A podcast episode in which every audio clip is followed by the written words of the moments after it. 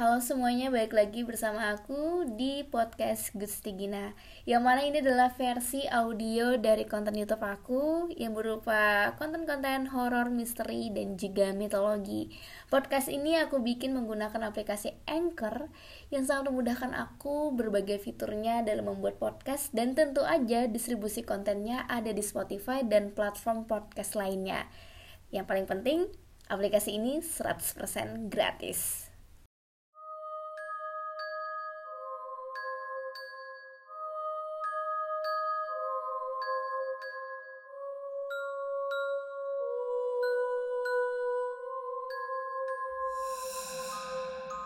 Halo semuanya, balik lagi bersama aku Gusti Gina di channel Gina Samsudin Nemenin kamu buat ngabuburit atau waktu senggang kamu.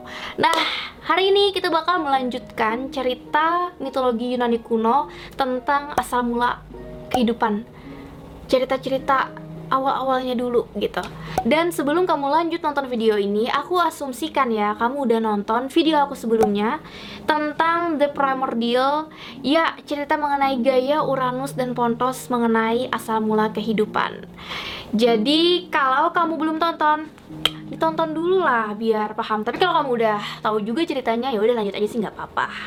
By the way gimana kabar kalian? Semoga dalam keadaan sehat dan baik-baik aja ya masih semangat puasanya? Semangat dong, masa kalah sama anak kecil Dan buat kamu yang baru di channel ini, baru ngeklik video ini, welcome di sini biasanya aku bakal duduk di kamar aku, aku cerita ke kalian berbagai topik yang aku suka dan menurut aku menarik. Ya, who knows kamu juga suka. Jadi kita bisa berteman. Topiknya apa aja? Langsung aja klik profil aku, ada banyak sekali video-video menarik dari Alkisah mitologi, Alkisah misteri, dan Alkisah horor. Pilih, suka pilih, dipilih, dipilih, dipilih kakak silahkan. Yuk kita lanjut ke cerita.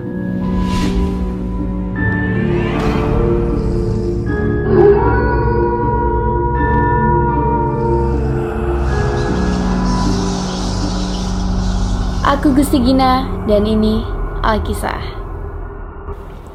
Singkat cerita, salah satu anak yang bernama Kronos, yaitu Titan termuda, memotong alat kelamin ayahnya. Jadi itu testis guys dari langit si Uranus gitu kan dipotong plok pakai sabit jatuh tuh testis jatuhlah ke lautan dan darahnya kecipratan di semua bumi di permukaan bumi which is itu adalah badan si Gaia. Nah, rupanya darah dari Uranus ini guys masih bisa memberikan buah-buah kehidupan. Artinya, terciptalah lagi makhluk lain dari Uranus dan Gaia. Yaitu yang pertama adalah Aries yang merupakan tiga bersaudari simbol kemarahan. Nah, tiga bersaudari ini guys, mereka itu adalah para penghukum. Para penghukum yang tugasnya masing-masing tergantung jenis kriminalitasnya. Ada Alecto, Megara, dan Tisiphon. Jenis ras yang kedua, anak dari Gaia dan Uranus adalah raksasa. Dan yang ketiga, Melie atau Nymphe atau peri-peri. Lalu selain ketiga ras ini, rupanya testis dari Uranus yang sudah dipotong oleh Kronos yang jatuh ke samudra, ke laut. Dari sana tuh muncullah buih-buih lautan berwarna putih. Buih-buih buih-buih dan keluarlah seorang perempuan yang sangat cantik sampai bikin semua makhluk di bumi itu kayak terpesona gitu sama kecantikannya dia. Siapa lagi kalau bukan sang dewi kecantikan Aphrodite atau Aphrodite. Tada, she's so beautiful. Dia disebut juga sebagai anaknya Uranus. Walaupun akhirnya dia nanti gabungnya ke The Olympians ya. Tapi sebenarnya dia itu lahirnya pas di masa Titans kita balik ke Gaia yang melihat anaknya Kronos berhasil menumbangkan suaminya, si Uranus. Gaia tuh senang banget guys. Dia tuh kayak, wow akhirnya kita menang, anak-anakku udah bebas. Dan saking senangnya dia, dia itu berputar, berputar, dan terus berputar, berputar, berputar. Dan dia berputar sepanjang tahun. Dan Kronos setelah berhasil menumbangkan ayahnya, dia mendeklarasikan kemenangannya kan Wes, I'm the king of the titans. Senang banget nih dia karena deklarasinya terlihat sangat menakutkan dan kayak powernya tuh terlihat begitu kuat sampai-sampai ayah ibunya tuh kayak takut ngelihat Kronos dan muncullah ramalan dari si Uranus dan Gaia kalau suatu hari Kronos ini juga akan tumbang kekuasaannya oleh anaknya. Itu kayak lingkaran setan sih, bahwa kekuasaan para raja itu tumbang oleh putranya sendiri.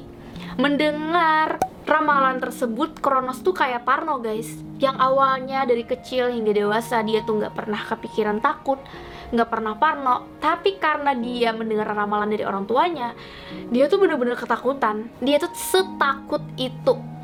Karena dia tahu betul gimana sebuah kekuasaan itu bisa hancur di tangan anakmu sendiri.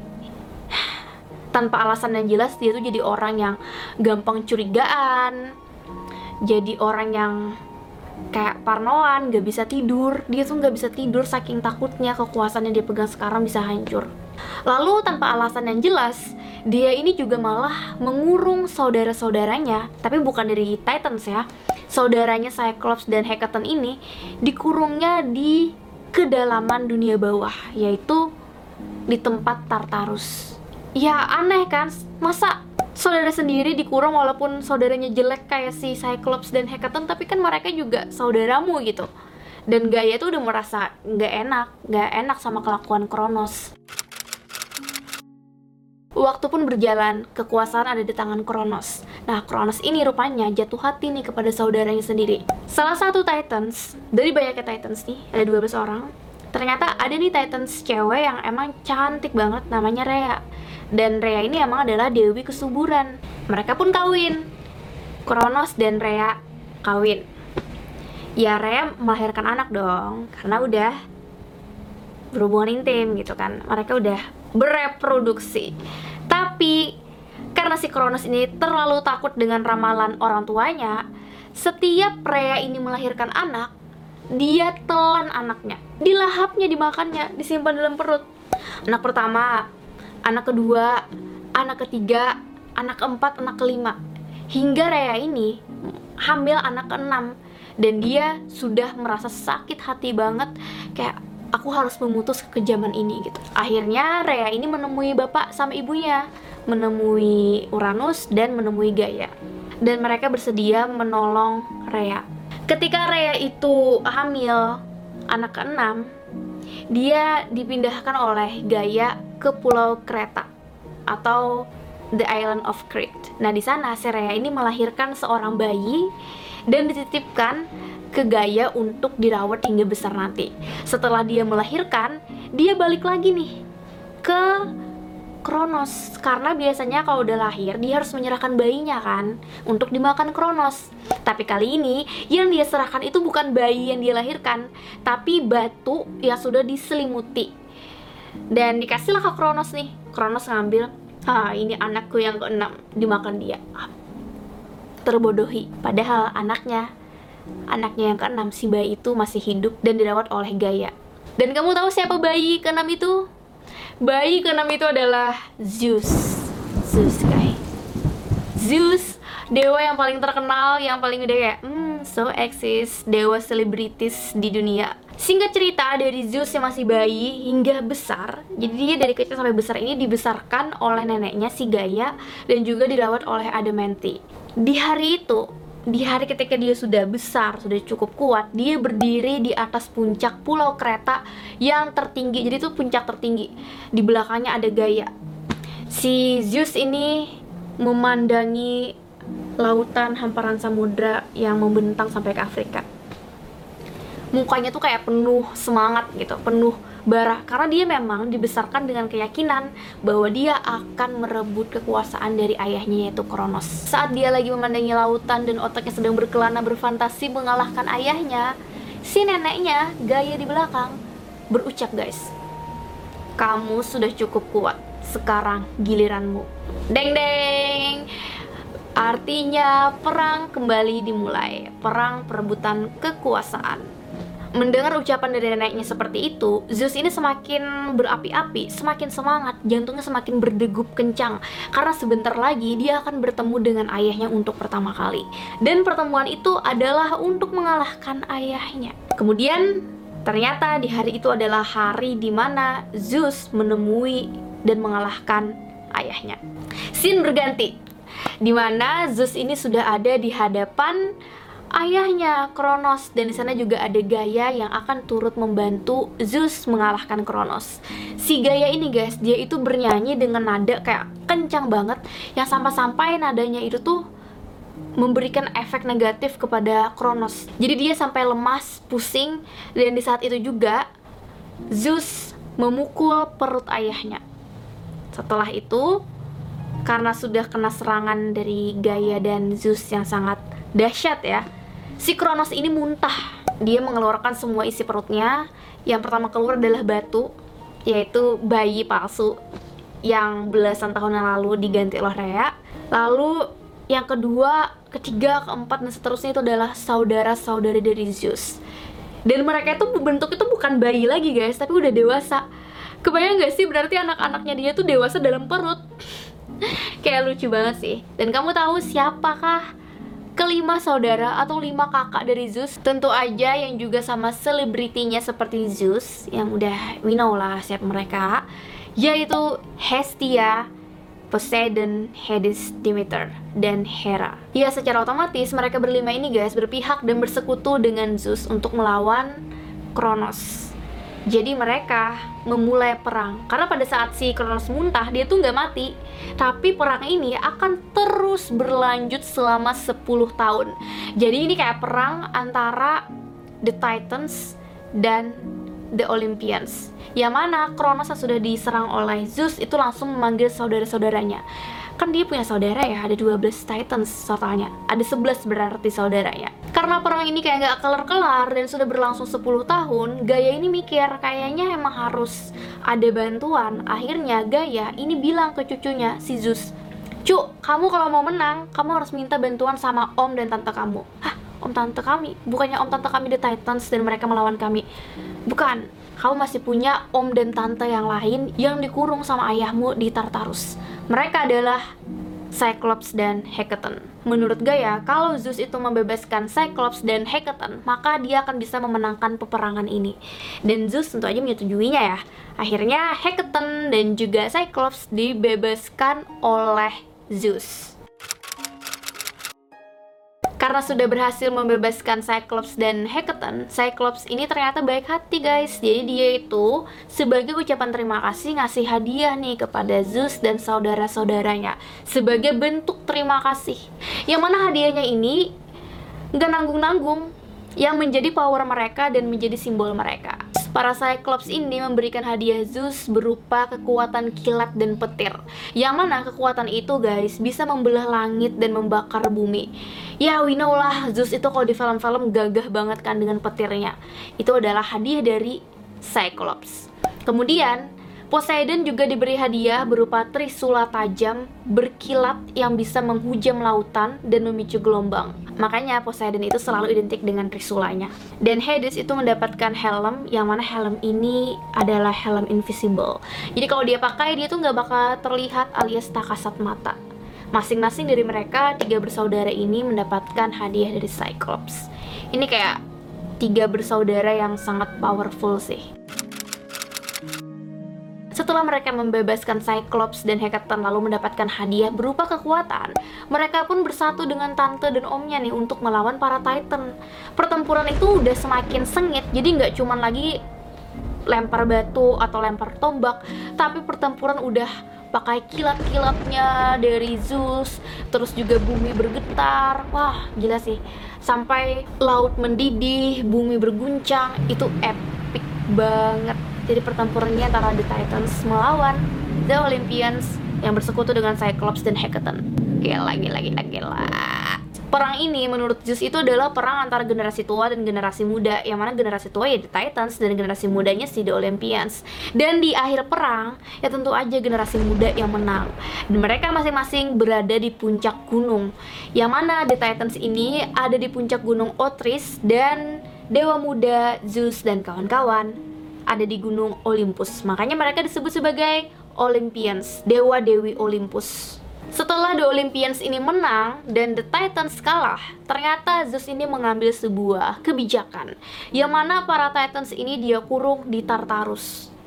Ya, di dunia bawah paling bawah yang isinya monster-monster dan penjara itu dijaga oleh Hekaton mungkin Hekaton juga balas dendam ya karena kan sebelumnya dia yang dikurung di sana sama Kronos Gaya yang mengetahui keputusan dari Zeus ini merasa kayak kayak kurang setuju dia tuh kayak merasa itu berlebihan gitu harusnya kalau udah menangkan perang ya udah gitu kan tapi Zeus sama seperti ayahnya sama seperti kakeknya begitu kuat, begitu sombong, dan begitu kejam. Hah, ternyata Zeus itu nggak selalu sebijak itu guys, seperti yang di film-film. Dia mengurung The Titans di dalam Tartarus. Gaya si ibu bumi ini yang gak setuju, The Mother Earth, dia udah kayak merasa Zeus kelewatan nih, dia udah berlebihan banget. Akhirnya, Gaya guys, kawin lagi dia untuk mendapatkan anak tapi dia kawinnya bukan sama Uranus lagi secara Uranus sudah dipotong ya alat kelaminnya dia kawin dengan Tartarus Tartarus si raja penghuni dunia bawah dunia bawah paling bawah dan bisa dibilang sebagai true hell neraka sejati. Di sanalah tempat orang-orang dihukum monster-monster hidup. Serem banget Kemudian guys, dari perkawinan antara Gaia dan Tartarus, lahirlah anak mereka. Yang mana anak ini adalah monster yang sangat mengerikan, yang disebut dengan Typhon. Yang tujuannya adalah untuk mengalahkan Zeus. Si monster Typhon ini serem banget kan? Dia punya 100 kepala ular dan lidahnya hitam menjulur. Dan dia itu bisa berbunyi guys. Bunyinya itu macam-macam, bisa suara manusia, suara binatang, guru dan lain-lain matanya juga kayak api menyala membara gitu karena ayahnya kan Tartarus ya. True hell. Kelahirannya dia sebagai monster yang paling mengerikan itu bikin semua makhluk kayak takluk ketika Typhon ini ada di dunia. Tapi satu orang yang gak takluk dengan Typhon adalah Zeus. Dan Zeus yang sudah memiliki kekuatan petir dan kilat itu udah kayak senjata mutlak gitu. Tuh udah kayak nggak ada tandingannya tidak ada tanding akhirnya dia berhasil mengalahkan Typhon. Dan semua kepala 100 kepala ular Typhon ini pun terpanggang. Terbakar gara-gara kilatnya Zeus. Segitu kuatnya Zeus ini guys ya akhirnya Zeus ini bisa dibilang menjadi king of the king. Ya dia raja dari segala raja di semua semesta. Saking kuatnya dia dan dia berhasil mengalahkan anaknya Tartarus dan Gaia si Typhon tadi. Dia berbagi kekuasaan nih sama saudaranya yaitu Poseidon dan Hades. Poseidon mendapatkan lautan samudra dia jadi raja di sana dengan trisulanya. Dan Hades mendapatkan dunia bawah itu sebenarnya diundi gitu guys. Jadi kalau bisa dibilang Hades itu jahat sebenarnya nggak juga. Dia tuh nggak jahat. Cuman emang di karya-karya terbaru kayak versi Disney Hades itu emang digambarkan jahat. Padahal enggak dia tuh nggak jahat sebenarnya kalau dari versi mitologi Yunani gitu. Karena setiap dewa dan dewi di mitologi Yunani mereka tuh sangat manusiawi sifat-sifatnya personalitinya mereka punya sisi baik tapi juga sisi buruknya masing-masing termasuk Zeus, Poseidon dan lain-lain. Jadi kayak ada baik dan busuknya lah masing-masing gitu. Kayak nggak adil aja sih buat Hades dia dianggap terjahat padahal enggak. He's not that evil. Oh ya, buat yang pengen tahu siapa aja sih anggota dari The Olympians Karena juga sama, ada 12 orang, ada 12 dewa dan dewi. Ini dia, ini mereka semua kalian bisa lihat ya. Ini dari Zeus, Poseidon, Hades, Hera, dan lain sebagainya. Ada 12 orang, masing-masing punya kekuatannya, punya simbolnya masing-masing. Dan mereka nantinya juga akan ada ceritanya masing-masing. Kalau kalian tertarik dengan cerita mereka Kayak versi, versi Aphrodite kayak gimana? Versi Poseidon kayak gimana walaupun sebenarnya udah banyak banget ya ada di film-film dan series. Ya itu sih adaptasi memang terinspirasi gitu. Untuk origin story-nya memang ada di mitologi Yunani kuno. Biasanya itu didapatkan dari tulisan-tulisan para pujangga. Di zaman dulu tulisan para pujangga itu dianggap sebagai tulisan oleh orang yang melihat sejarah. Jadi kayak sejarawannya tapi pujangga di zaman dulu. Makanya ada pujangga-pujangga yang berkaitan dengan mitologi Yunani kuno kayak Homer terus juga Hesiod dan lain-lain. So guys, itu tadi cerita dari perang The Olympians melawan The Titans yang akhirnya mengantarkan Zeus dan kawan-kawan menjadi dewa-dewi selebriti yang bisa kita sebut sebagai mungkin dewa paling terkenal ya di dunia. Karena ada banyak sekali karya dari film, novel, series hingga game yang terinspirasi dari sosok-sosok The Olympians. Kalau kamu memang tertarik dengan cerita mereka masing-masing karena ada banyak sekali cerita mengenai mereka di mitologi Yunani, kamu bisa tulis di kolom komentar kamu mau cerita apa. Dan kalau kamu rajin mau baca bukunya aku ada rekomendasi sih aku kalau aku sendiri bacanya yang ini sama yang ini. Kalau yang ini semua mitologi di dunia ada tapi berbahasa Inggris Terima kasih kamu sudah nonton video ini sampai habis. Semoga bisa menghibur kamu, nemenin ngabuburit kamu menunggu buka puasa atau nemenin kamu di waktu senggang atau yang mau tidur. Kalau kamu ada saran selanjutnya aku bikin video apa, ngedongeng apa, atau mau ceritain apa, ngebahas pas tuntas apa, silahkan tulis di kolom komentar. Nanti aku baca-baca, aku seleksi kira-kira yang mana memungkinkan aku bikin secepatnya. Aku Gusti Gina, bye. Hai guys, thank you udah nonton video ini sampai habis. Jangan lupa untuk di subscribe, nyalakan loncengnya, like, comment, dan share. Bantu aku untuk membangun channel ini sebagai channel nomor satu penjelasan mengenai mitologi, horor, dan misteri.